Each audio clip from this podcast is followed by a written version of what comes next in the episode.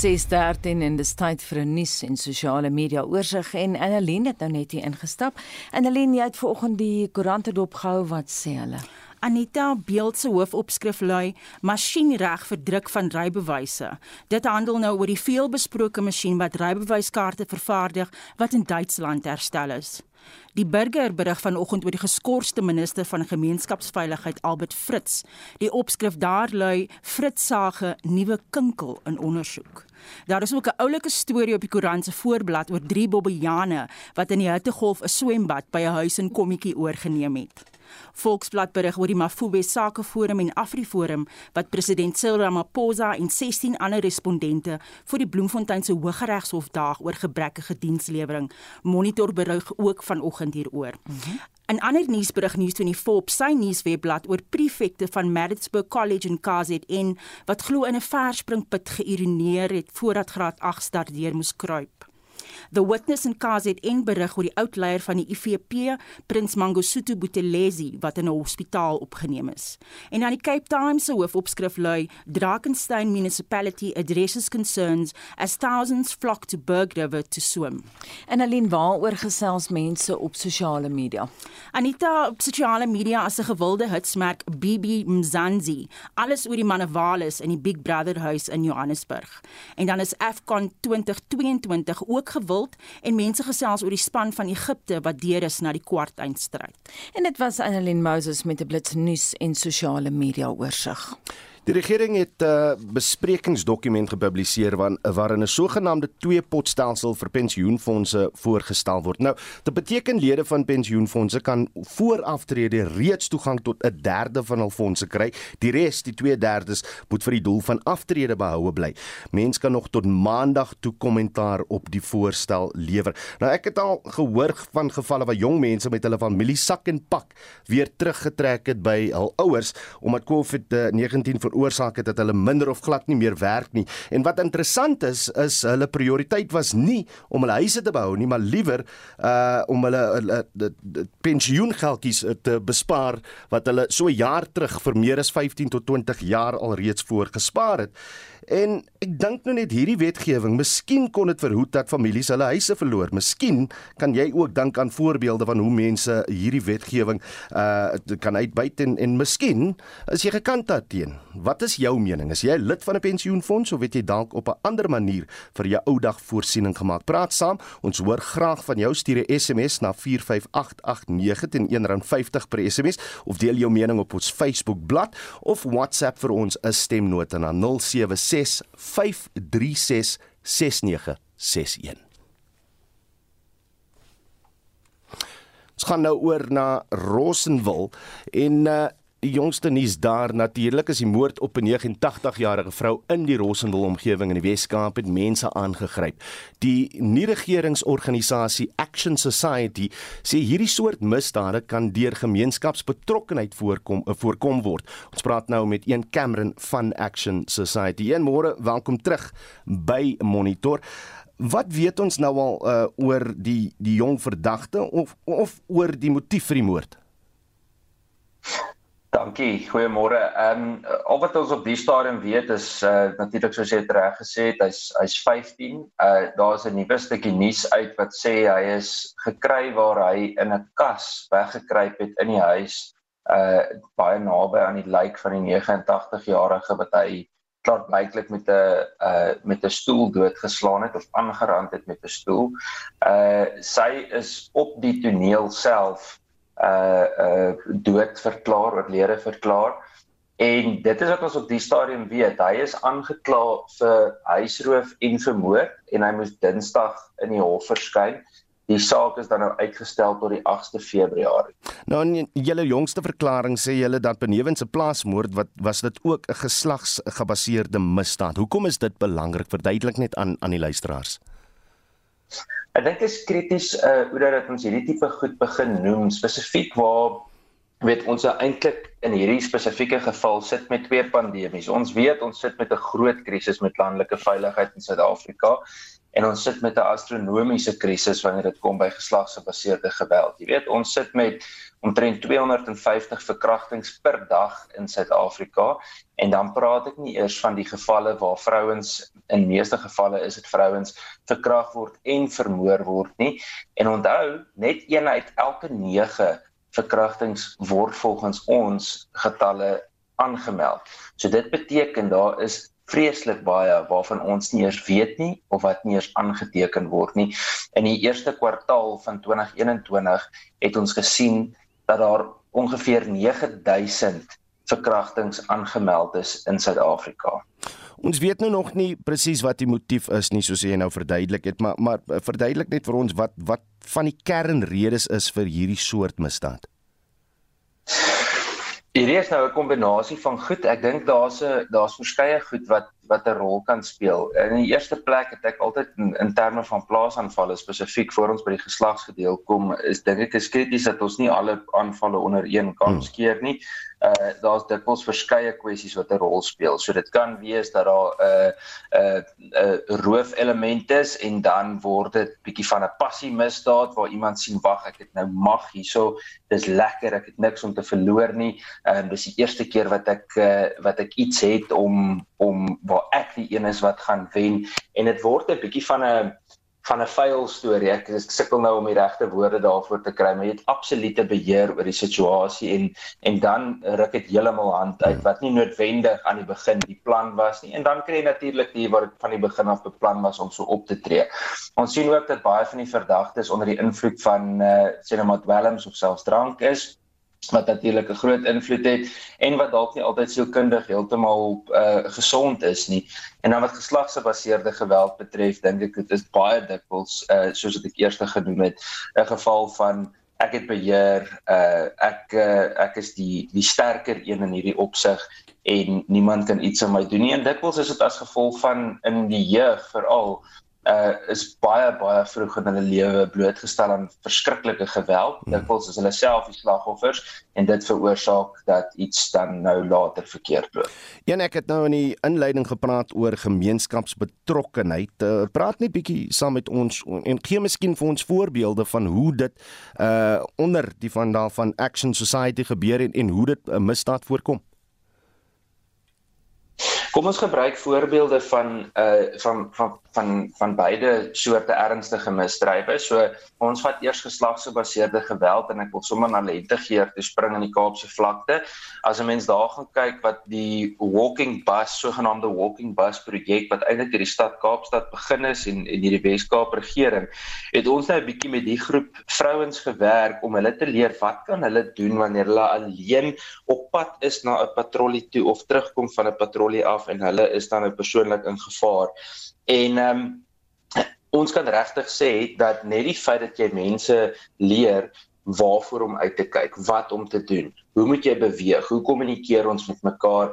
Uh hoe kan jy 'n moontlike verdagte uitken voordat iets gebeur en seker maak jy doen die nodige proaktiewe stappe uh, maak 'n wesenlike verskil en daai woord versprei natuurlik in daai selfde gemeenskap en daai mense is dan self ook meer bemagtig om te kan optree nou kombineer dit met byvoorbeeld 'n plaaswag, 'n buurtwag ensovoorts. Ehm um, natuurlik verskil die gemeenskapsdinamika. Die feit van die saak is as mense opgelei is vir daai spesifieke kwessie, dan is hulle dikwels ook opgelei vir ander uitdagings okay. veral as dit kom by hulle vermoë om goed te kan kommunikeer. En dit was die woordvoerder van Action Society 1 Cameron. Sowat 850 werknemers van die staatsonderneming Petro SA kan in die pad gesteek word. Dit sal die tweede afleggingsproses by Petro SA binne net 12 maande wees. Die konsultasieproses is weer in Februarie voor die kommissie vir versoening, bemiddeling en arbitrasie. Solidariteit sê die beplande afleggings is 'n direkte gevolg van wanbestuur en 'n gebrek aan politieke wil. Vir meer daaroor praat ons nou met die vakbond se hoofsekretaris Gideon Du Plessis. Môre Gideon. Môre Anita. Hoekom 'n tweede afleggingsproses en dit binne net 12 maande? Ja Anita, ons het die proses uh, vorige proses afgehandel in Mei 2021 en toe 115 werknemers hulle werk verloor en uh, wat sedertdien gebeur is en dis maar waar die politieke inmenging kom ehm um, die idee was dat die maatskappy moet nog steeds al hulle uh, kenners, al die kenners in die petroleumbedryf en al die werknemers wat nodig is um, met die toekomsprojekte behou, maar toe het die sentrale energiefonds wat nou die hoofaandeelhouer is, besluit nee dat hulle wil eintlik die hele maatskappy herskep waar Petro SA destyds gestig is as 'n samesmelting van Soekor en Mosgas wil hulle wat 'n sogenaamde South African National Petroleum Company saamstel maar hulle wil dit van die grond af weer opbou totdat dit uh, 'n uh, baie groter maatskappy is wat dit tans is. So daar dit is net regtig bizar uh wat uh, tans aan die gang is en en dit is maar 'n geval van een kant swak beplanning maar aan die ander kant dink ek is ook fyn beplanning waar ons ook maar baie skepties is oor die beweegredes wat besig is om plaas te vind. So hulle wil die wiel herontwerp. Dis presies dit, maar maar dit gaan baie dieper uh, as as dit een kant was daar natuurlik swak beplanning want daar ehm um, is nie meer nood die die gaspyplyn voorsien nie meer die die noodsaaklike gas aan die uh, aan die raffinaderry nie. Maar wat besig is ook om gebeur en dit is in die diep politieke ry wat aan die gang is, daai hele plek moet tot stilstand gebring word, moet gesluit word sodat in Kuga waar die ANC uh in beheer is in die provinsie uh dat die nuwe Petro SA of die uh, sogenaamde South African National Petroleum Company moet dan daar gevestig word met 'n nuwe raffinery wat daar gevestig moet word. So die Wes-Kaap wat onder DA beheer is, uh, gaan dan duisende poste verloor en dan in die Oos-Kaap uh by Kobega gaan dan nou geweldig nuwe poste geskep word. So dit is die een kant en aan die ander kant as die maatskappy uh, wat dit nou tans gebeur wat hulle nie meer gasreserves het nie, is daar soveel tenders wat moet uitgaan. Uh en daar moet nuwe tenders wees, daar moet konsultante aangestel word, daar moet uh baie kommersiële onderhandelinge gedoen word en daar's altyd geleenthede vir korrupsie. So op die einde is dit werklik ehm um, 'n geval van ehm uh, wanbestuurs gebrekkige uh, toekomsbeplanning maar ook ehm um, uh, politieke speletjies wat hier gespeel word ten koste van van ehm um, 850 werknemers en natuurlik hulle gesinne ehm um, en en die hele plaaslike ekonomie van die Suid-Kaap wat hierdeur geraak gaan word. Gideon, hoeveel kundigheid gaan verlore indien hulle nou regkry wat hulle wil hê? Wel dit is basies die meerderheid van die werknemers wat op die aanleg werk. Uh so so die sekere van die 318 van die 1186 werknemers wat hulle wil behou, sal hulle natuurlik uh, sekere kritieke vaardighede behou, maar al die werknemers wat tans verantwoordelik is om om om net buitekant uh Mossel Bay is is is die ehm um, wat hulle noem die die GTL uh, raffinaderry die gas na na brandstof uh, raffinaderry wat die derde grootste raffinaderry in die wêreld is. Al daai werknemers gaan hulle werk verloor sodat hulle presies daai selfde raffinaderry net kan skuif uh, na die Oos-Kaap toe. En en dis die probleem. So met ander woorde daar is tans geen voorsiening dat die werknemers geskuif gaan word nie want hulle moet nou eers begin bou so dit kan 'n jaar of twee vat. Ehm um, met die gevolg is dat al daai kennis ehm um, gaan op hierdie stadium stadium verlore gaan uh en dit is die aanduiding dis geen sins hulle het gesê hulle sal 6 maande uh nog ehm um, van die werknemers her in diens neem en die projek gaan meer as 6 maande neem om dit te bou. So met ander woorde al die poste gaan nou in die Oos-Kaap geskep word en nuwe poste geskep word. Hm. So sê die hoofsekretaris van Solidariteit Gideon Du Plessis ons sal daardie storie beslis moniteer. Kusatu eis dat die regering vinnig beweeg met aftreehervormings, maar sê ook daar moet 'n balans wees tussen die verskaffing van hulp aan behoeftige mense en die beskerming van aftreefondse. Die sperdatum vir openbare kommentaar op die pensioenbesprekingsdokument is Maandag. Die dokument beskryf 'n twee-potstelsel. Een pot wat 2/3 van die pensioenes moet tot aftrede bewaar word. Die ander derde kan voor aftrede verkry word en kan mense help wat met die ekonomiese gevolge van eh, die COVID-pandemie sukkel. Vincent Mofokeng het met die beleggingsstrateeg en direkteur van Brenthurst Wealth Management, Magnus Heistek, gepraat. En 'n netedop is die wetgewing die um, pensioenwet van 1956 dink ek is dat statutêre pensioenfondse bestaan by maatskappye wat dan alle werknemers moet dan lid word van 'n van daardie fonds op een of ander manier. Sê die werkgewer maak die bydraes of die werknemer maak die bydraes of gesamentlike bydrae. Maar daar is dan geld wat in 'n amptelike pensioenfonds ingegooi word onder sekere voorwaardes met sekere voordele, dan ook belastingvoordele en dan oor 'n tydperk van van tyd 10 tot 30 40 jaar bou daar 'n pot geld op in 'n sekere raamwerke en dan in teorie op die ouderdom van 60 of 65 sal mens uit die fonds uittreë om vir jouself 'n inkomste te koop. Dis in 'n metode hoe ons um, pensioenfondse in Suid-Afrika werk. Ons het 'n redelike groot pensioenbedryf in Suid-Afrika, een van die grootste ter wêreld, baie goed ontwikkel. Uh, maar dit is in die breëre hoe dit werk. As ons nou kyk na hierdie besprekingsdokument van 'n twee-potstelsel, wat maak die wet beter? Tot nou toe was dit baie moeilik vir enige persoon, het sy in die private sektor of, of, of selfs in die staatsdiens, om toegang te kry kapitaal wat opgebou is in aftrepot. En baie mense was dan gedwing om te bedank om kapitaal in die hande te kry vir watter ook al redes. En dit was baie ongesond en eerste vir die staatsdiens want dan het jy baie hoë omset van werkers in die selfde in die private sektor.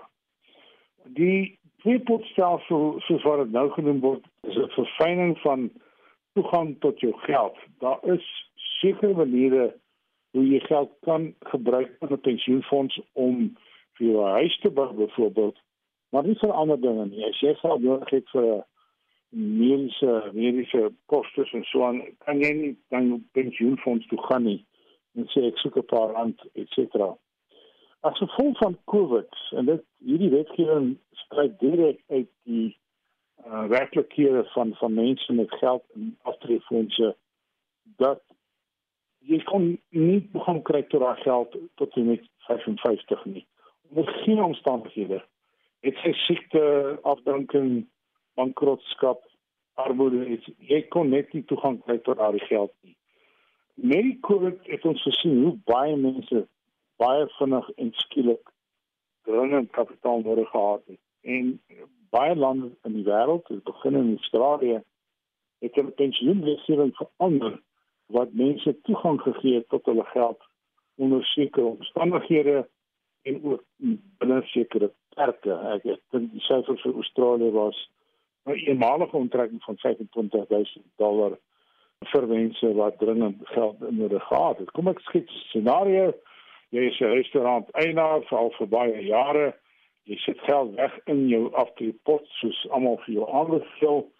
Jy daar's 'n 3 of 4 miljoen rand alreeds in daai pot maar jy's nog nie 55 nie en COVID breek uit en jy word gedwing deur die regering om jou deure te sluit en nou sit jy met 'n dilemma jy het geld nodig om aan die gang te bly en jy weet nie hoe lank dit gaan duur nie ja die wetgewing maak dit nou moontlik die twee pot stelsel daar van een pot geld die kleiner die 1/3 van jou 3/3 sal jy kan toegang kry onder sekere omstandighede indien nodig. Het sy bankrotskap, siekte, maatskappy wat ondergaan. En, en, en ek dink dit maak sin. Dit is baie meer prakties in die moderne lewe dat die mense ten minste 'n deel van hul kapitaal kan kry vir sekere dinge. En een van dit is om hulle besigheid te red of om hulle huis te verloor nie en so aan. Die twee derde van die aftrekkings kan nie aangeraak word nie en dit moet daar bly uh, tot jy amptelik aftree en die fonds het dit sê op 60 of 65. Die kwitko vir hierdie wysigings in die wet was dat voorsorgfondse is ook nou verander sodat mense nie meer alles uit die voorsorgfonds kan trek nie.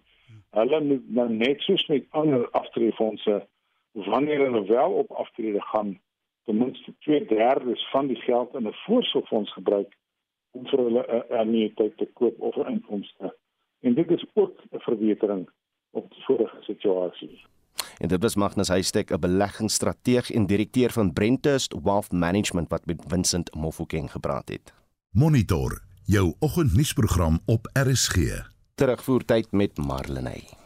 Regering het 'n besprekingsdokument gepubliseer waarin 'n sogenaamde tweepotstelsel vir pensioenfonde voorgestel word. So, dit beteken lede van pensioenfonde kan voor aftrede reeds toegang hê tot 'n derde van hulle fondse. En hulle kan dan nog tot maandag kan 'n mens nou kommentaar lewer op hierdie voorstel, maar ons wil weet, wat is jou mening? Dink jy dit is 'n goeie plan? Het jy 'n pensioenfonds? Sal jy dit doen? Het jy 'n ander manier om te sorg vir jou ou dag? Op die SMS-lyn laat weet 'n anonieme luisteraar as mense nou nie eers uitkom met geld nie, hoe gaan hulle met pensioen wat helfte van 'n salaris is, dan nog 'n derde nou al wil gebruik voor hulle met pensioen gaan um, aangaan en dan het hulle nou nog minder geld op die ou dag. Op Facebook skryf Griet Meyer om af te tree, jy daarom kontant ook nodig. So as persone nou al 1/3 neem, gaan hulle geen kontant kry soos wat dit nou die geval is nie. Moenie dit doen nie. En dan laat weet Martie Brits ook weer eens se bewys dat bittermin mense iets van finansies al weet. Die pensioenfonds is nie daar om jou skuld af te betaal terwyl jy nog werk nie. Hmm. Sy sê sy sien swaarigheid vir baie mense wanneer hulle nou aftree en hierdie besluit neem. Maar laat weet vir ons vanoggend, is jy iemand wat regtig swaar kry en regtig baat sal vind daarbey? As jy 'n derde van jou pensioenfonds kan ontgin. Jy kan vir ons 'n SMS stuur na 45889, dit gaan jou R1.50 kos. Kan saamgesels op ons Facebookblad of stuur vir ons 'n WhatsApp stemnota 0765366961. Die probleem is nou net, wat gebeur as jy leef tot op 100? Jy gebruik daai geld nou. Maar wil mens regtig 100 word? Dit is die vraag. Wat ons gesond is. 22 minute voor 7. Die ANC in die Wes-Kaap sê hulle sal die polisie vra om die beweringe van wangedrag teen die geskorste provinsiale minister van gemeenskapsveiligheid Albert Fritz te ondersoek. Premier Allan Windey het eh, Fritz die naweek na die beweringe geskort. Kobben August doen verslag. Fritz het ook uit sy posisie as DA-leier in die provinsie getree na hy geskort is. Die ANC woordvoerder in die Weskaap, Sifiso Mtsweni, We will be writing to uh, the Pro- Provincial Com- uh, Commissioner of Police to look into this matter and see if indeed these are matters of a criminal nature. At the same time, we will also be approaching the police uh, ourselves to open a case because uh, we believe that the affidavits that have actually been written are sufficient to ensure a police probe into the matter. 'n Professor in politieke wetenskap by die Universiteit van die Wes-Kaap, Beki Ngomezulu, sê hy glo Windy se besluit om Fritz te skors was die regte ding om te doen. Ngomezulu sê DA ondersteuners sal Windy se besluit waardeer.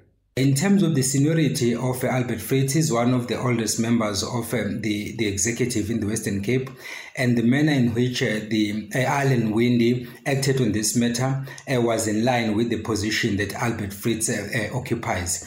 Because he's a senior person, then he had to act promptly. So on that front, I think that he did the right thing, because he has not, in fact, expelled him, but he suspended him pending the investigation, which is also within the confines of the law. Sommige Kaapenaars het hulle standpunte oor die skorsing van Fritz gegee. Hy's 'n baie goeie mens.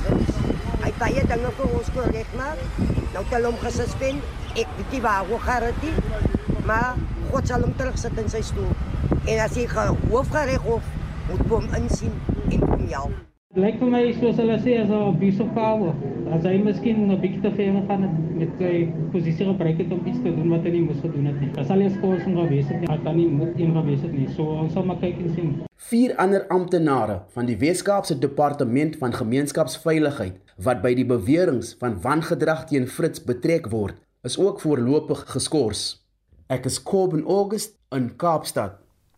Baie ekonome verwag dat die monetêre beleidskomitee van die Reserwebank die repo koers met minstens 25 basispunte sal verhoog. Nou die bank se monetêre beleidskomitee sal vandag besluit of die repo koers aangepas moet word. Ons praat ver oggend hieroor met Lizette uh, Eiselde Skepper, sy is 'n senior ekonom by die Buro vir Ekonomiese Ondersoek en dit natuurlik is op Stellenbosch. Goeiemôre Lizette. Goeiemôre. Ons het eh, 'n uh, rukkie gelede met jou kollega Janie Resou hier gepraat van Wits en hy het gesê definitief kom daar 'n uh, 'n beleids of 'n basispunt aanpassing. Meeste ekonome glo dit. Is jy dit eens met hulle? ons verwag ook uh, by die BO 'n styging van 25 basispunte, so dis 0.25 persentasiepunte wat die repo koers dan nou 4% gaan vat en dit sal die tweede agtereenvolgende verhoging wees. Ehm um, ek dink ehm um, wat belangrik is vir die monetêre beleid of komitee op die oomblik is wat gebeur met inflasie. Ons weet inflasie op die oomblik is redelik hoog. In Desember was inflasie op die hoogste vlak uh, in op, op, amper 5 jaar, maar meer belangrik is wat met inflasie gaan gebeur uh vorentoe. Kragpryse neem toe, brandstofpryse neem toe, uh voedselpryse is onder druk. Ehm um, so dit alles dra by tot tot hoër inflasie verwagtinge. Ehm um, en ek dink die Reservebank sal waarskynlik ook in ag neem dat die vierde golf van COVID-19 ehm um, dalk nie sulke negatiewe impak op die ekonomie gehad het as wat hulle dalk gevrees het teen die einde van laas jaar. So ons is ook in die kamp uh, wat 'n 25 basispunt verhoging verwag. Lesette word ons beïnvloed deur wat ander lande doen. Ek dink nou aan die Amerikaanse Federale Reservebank. Hulle sou gisteraand aankondig oor hulle rentekoerse. Wat was daai besluit geweest? Ja, ons word in Suid-Afrika, ons is maar 'n klein oop mark, ontlikeende mark. Ons word beslis beïnvloed met wat gebeur in Amerika. Uh die Federale Reservebank het geen verander gemaak uh, gisteraand nie, maar wat belangrik was is wat hulle sê wat hulle beplan vorentoe. En daar het hulle genoem dat hulle ook rentekoerse gaan begin opstoot. Dit kan dalk so vroeg soos Maart gebeur. Dan mag selfs 3 tot 4 rentekoersverhogings wees in die uh, res van die jaar of buite buite daai enetjie. Ehm um, nou finansiële markte herposisioneer hulle self al reeds voor sulke skuwe eintlik plaasvind. So gisteraand het ons reeds in die markte gesien uh, dat die opbrengskoers op korttermyn staatsskuld in die FSA het bietjie toegeneem, die aandelemark was onder druk. Uh bates in ontleikende marke soos Suid-Afrika kom dan baie keer onder druk. Uh die rand het effens weer verswak. Um, so dit beïnvloed ons beslis en dit is beslis 'n vergadering wat uh, Lesetje kan jou goed dopgehou het gisteraand. Jy het nou verwys Lesette na Suid-Afrika as 'n ontleikende mark. Wat beteken die Federale Reservebank se beleidsstandpunt vir internasionale markte? Wanneer die uh, Federale Reservebank begin rentekoerse opstoot, ehm um, omdat hulle ekonomie beter lyk, ehm um, het dit definitiewe impak op internasionale markte en uh soos wat ek genoem het, kan dit resulteer in 'n in 'n sterker dollar, dit kan resulteer in 'n swakker rand. Nou ons weet wanneer die rand verswak uh, oor die as niks anders uh ook gebeur nie, beteken dit dikwels hoër inflasie in Suid-Afrika en hoër inflasie is natuurlik iets wat die Reservebank weer moet dophou en hulle sal dan waarskynlik ook hoër uh, hulle rentekoerse moet verhoog. So al die ehm um, alles werk eintlik saam om aan ons hoër rentekoerse gaan sien in Suid-Afrika. Plaas dit bietjie vir ons in 'n breër konteks. Jy het vlugtig verwys na wat dit kan beteken vir Jan en San op straat, maar mense sukkel reeds, Lisette, jy weet ons kom eh, deur COVID nou is byna ons gaan in derde jaar in en mense sukkel. Mense sukkel reeds finansiëel. Mm. Nee, en en enige rentekoersverhoging gaan natuurlik beteken dat mense met skuld minder nog minder geld in die sak gaan hê want skuldpaaiemente gaan begin toeneem. Ehm uh, maar ons moet in ag neem en ons moet bietjie verder kyk as dit. Ehm um, dat oor die lang termyn is prysstabiliteit baie belangrik. Wanneer ons hoë inflasie sien, is dit eintlik sleg vir almal, vir die met skuld, die met sonder skuld en dikwels die met lae inkomens word word harder getref deur dit. So wanneer die Reservebank betyds reageer reageer en vroeg genoeg rentekoerse begin opstoot, dan hoef hulle dalk nie rentekoerse met so baie op te stoot om inflasie onder beheer te hou. So die rentekoersverhoging gaan beslis ehm um, wel dit kan dalk verseker is nog meer pyn veroorsaak, maar oor die lang termyn is dit belangrik om te kyk na wat gebeur met inflasie en hoe inflasie is sleg vir almal. En ek neem aan jou raad is raak ontslaaf van jou skuld. Ja, maar dit is makliker gesê as gedoen natuurlik. Absoluut. Net laasens, wat verwag jy in terme van ekonomiese groei?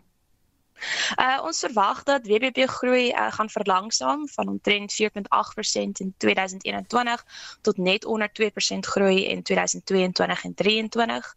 Nou sakeomstandighede is besig om stadig maar seker te verbeter, soos die minder negatief of die negatiewe impak van COVID-19 al, al minder en minder word. Hoopelik gaan die toerisme sektor uh, verder herstel, maar baie van die struikelblokke uh, wat ons in Suid-Afrika het, wat ons nou al vir jare waarmee sukkel soos beerdkrag, lae sakevertroue, verbruikersvertroue, ehm um, beteken dat die herstel maar redelik stadig gaan bly. Baie dankie en so sê Lizette Eysel, die skepper van die Buro vir Ekonomiese Ondersoek en dit is op Stellenbosch. 14 minute voor 7. 'n Mediese span van Tygerberg Hospitaal het met 'n keisersnit 'n 35 week oue fetus verlos sodat 'n operasie uitgevoer kon word om 'n gewas, die grootte van die fetus se kop, te verwyder.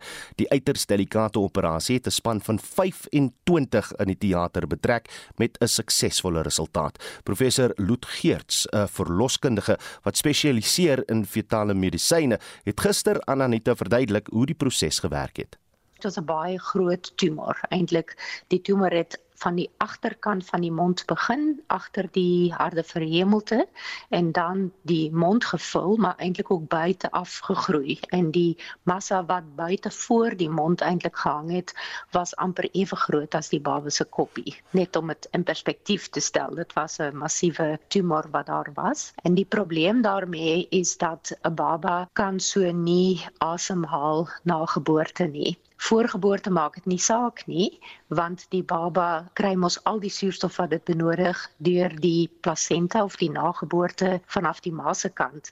So die baba hoef nie eintlik asem te haal voor die baba nie gebore is nie maar dit verander natuurlik onmiddellik. Sodra die baba gebore is en die koord geknip word dan is die baba op haar eie. En ons het geweet dit gaan onmiddellik probleme gee en dis hoekom ons hierdie spesiale operasie gedoen het om die probleem eintlik te voorkom. Mens moet probeer 'n situasie skep waar jy reeds kan begin met die behandeling van die baba voordat die baba eintlik losgemaak is vanaf die nageboorte sodat jy eintlik tyd skep vir jouself om jou werk te doen en te probeer 'n lug wegskep vir die baba dat die baba wel suurstof kan kry terwyl jy eintlik nog die voordeel het dat die baba nog suurstof kry vanaf die nageboorte dit is veral goeie spanwerk wat nodig is daarvoor want die verlossing in so 'n geval word gedoen met 'n keisersnit.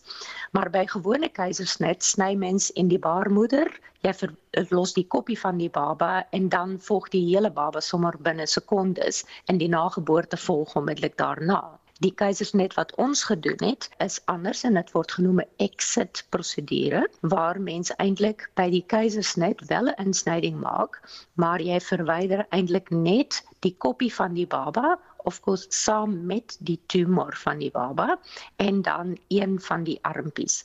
Die armpie word verlos omdat ons die baba daarop kan monitor om seker te maak die baba kry genoeg suurstof deur die nageboorte, maar die res van die baba se liggaampie saam met al die vrugwater word eintlik gehou binne in die baarmoeder. En dit keer dan dat die baarmoeder skielik 'n groot volume verlies het waar dan as 'n normale gevolg die nageboorte loskom. En sodra die nageboorte loskom, is daar natuurlik geen suurstofvoorsiening meer vir die baba. So ons hele prosedure was daarop gemik om die volume van die baarmoeder vol te hou met die meeste van die liggaampie van die baba in die vrugwater terwyl ons natuurlik 'n narkotiseer gehad het wat middels toegedien het om te keer dat die baarmoeder sal saamtrek en dit het gewerk vir meer as 'n halfuur en dit het dan vir 'n hele groepie spesialiste die tyd gegee om met verskillende instrumente te probeer om 'n pypie in die baba se lugweg in te kry dat die baba daarna dan suurstof sou kon kry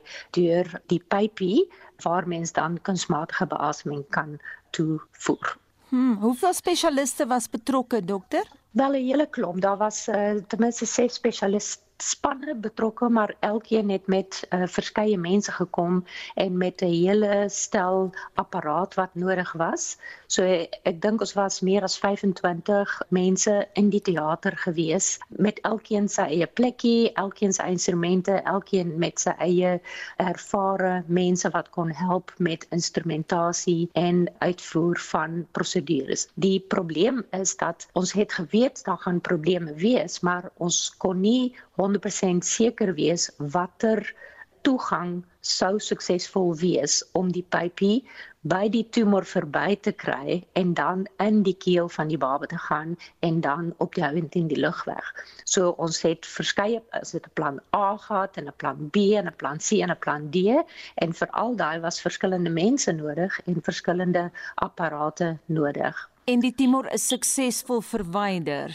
Ja, die tumor is suksesvol verwyder, uh, nie op daai einste oomblik nie, want sodra mense pypie in die baba se lugpyp het, dan weet mens mens kan die baba kunsmatig beasem en dit is dan nie net vir minute nie, dit kan eintlik vir dae of langer wees dit is dan ook so gedoen. Die baba is na die intensiewe eenheid geneem sodra ons die baba kon ventileer. Die baba is daar mooi gestabiliseer want dit is nooit 'n goeie plan om by 'n pasgebore baba wat groot aanpassings moet maak aan die lewe buite die baarmoeder om 'n onmiddellike operasie te doen as dit nie regtig nodig is nie. Dit sou onnodig gewees het as ons onsuksesvol was, maar ons was suksesvol. Ons het 'n lugweg gekry en die baba is gestabiliseer en 3-4 dae later het die pediatriese chirurge dan wel operasie deur die mond gedoen om die tumor soveel as moontlik diep in die keel van die baba te verwyder. Die operasie was suksesvol. Eh, die babatjie is nog steeds met ons omdat die baba bietjie slukprobleme ondervind omdat die spiertjies wat ons normaalweg ontwikkel om te leer sluk na geboorte het of natuurlik vir 'n lang tyd nie kon werk nie oor die tumor in die mond te groot was maar die baba doen eintlik baie goed en daar is goeie vooruitgang elke dag en ons voorsien dat alles wel op die ou end sal regkom Ek wou nou juist vra wat gaan die prognose wees as die baba so vroeg al kanker ontwikkel het, sou die baba nie dalk weer kanker kon kry nie. Alright, so daar wil ek net 'n korreksie maak. Uh, die baba het nie kanker nie. Tumore is eintlik maar 'n fancy naam vir 'n massa en hulle kan benigne wees of maligne. So as dit kwaadaardig is, dan is dit 'n kanker, maar in hierdie geval was dit nie 'n kwaadaardige tumor nie. So dit was 'n goedaardige massa wat ons nou ook weet van die massa is natuurlik ondersoek in die laboratorium. So ons is nie bekommerd dat die baba verder later uitsaaiings of uh, hervatting sal hê nie. Dokter, jy het nou gesê daar was 25 mense in die teater almal betrokke by die operasie.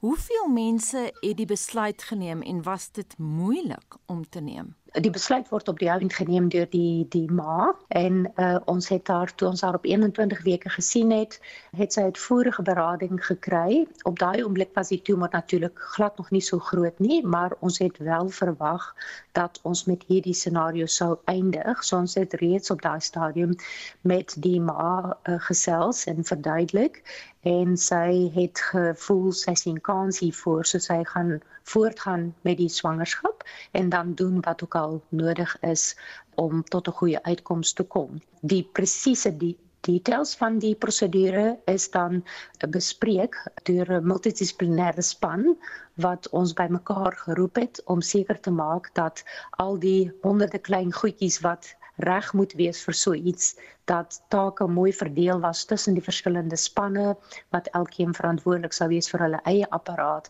en vir hulle eie mense met kundigheid om hulle saam te bring. Om dinge dan reg glad te laat verloop op die dag van die operasie, het ons eintlik 'n rolspel gedoen in die teater om seker te maak dat almal presies geweet het waar hulle moet staan, waar hulle apparaat moet wees, wie waar gaan staan om watse deel van die prosedure te doen en so aan en ek het gedink dit was baie baie sinvol om dit so te doen want dit het gemaak dat as ons eers begin het was daar geen onduidelikheid meer nie en almal het presies geweet wat hulle te doen staan En dit was professor Loet Geerts, 'n verloskundige uh, uh wat spesialiseer in fetale medisyne wat gister met Anita gesels het. Dan jy die vloer. Ons wil weet of jy nou al op hierdie stadium van die geveg 'n derde van jou pensioenfonds sal onttrek om te werk aan jou skuld. Dis nou na aanleiding van 'n besprekingsdokument van die regering in die verband. Ehm um, of het jy dalk 'n ander manier om vir jou uitdagvoorsiening te maak?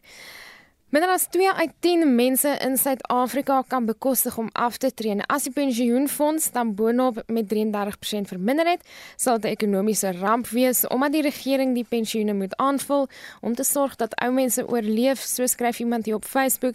Dit sal uit die belastingbetaler se sak moet kom en daardie basis is slegs 23%. Dit is 'n baie kortsigtige plan volgens hierdie persoon want die totale negatiewe effek gaan eers na 'n generasie duidelik word. 'n hele generasie gaan nie deur geraak word sê iemand dan nog iemand op die SMS lyn wat skryf ek is 'n staatsamptenaar um, die persoon is deel van die polisie met 33 jaar se diens hy skryf Ek is bekommerd dat daar nie meer geld gaan oorwees soos alle staatsgeld wat gesteel word nie. So ek sou 100% van my pensioen wou hê om dit net so op 'n veiliger plek te belê. En dan sê Hester, nee man, pensioen is vir jou ou dag. Kry eerder nou 'n bietjie swaar en dan het jy 'n geldjie as jy aftree. Dis Hester wat so skryf. Magda Pinaar skryf op Facebook die grootste fout wat die regering hierso maak. Daar's baie mense wie se pensioen nie eers genoeg is wanneer hulle aftree nie en nou gaan hulle toelaat dat 'n gedeelte nog voor die tyd onttrek word. Al neem mens 'n uh, aftree aan die tyd uit om die verlies te probeer opmaak, kan die tydperk tot aftrede dalk nie genoeg wees nie. Ek kan ook nie glo dat vakbonde dit ondersteun nie. Verlaag eerder rentekoerse op huislenings en voertuigfinansiering. Is dit nog 'n paar voorstelle jy kan daarna gaan kyk op Facebook. Maar jy kan ook vir ons 'n SMS stuur as jy wil saamgesels 45889 of 'n stemnota stuur 0765366961. Dis nou net na 7.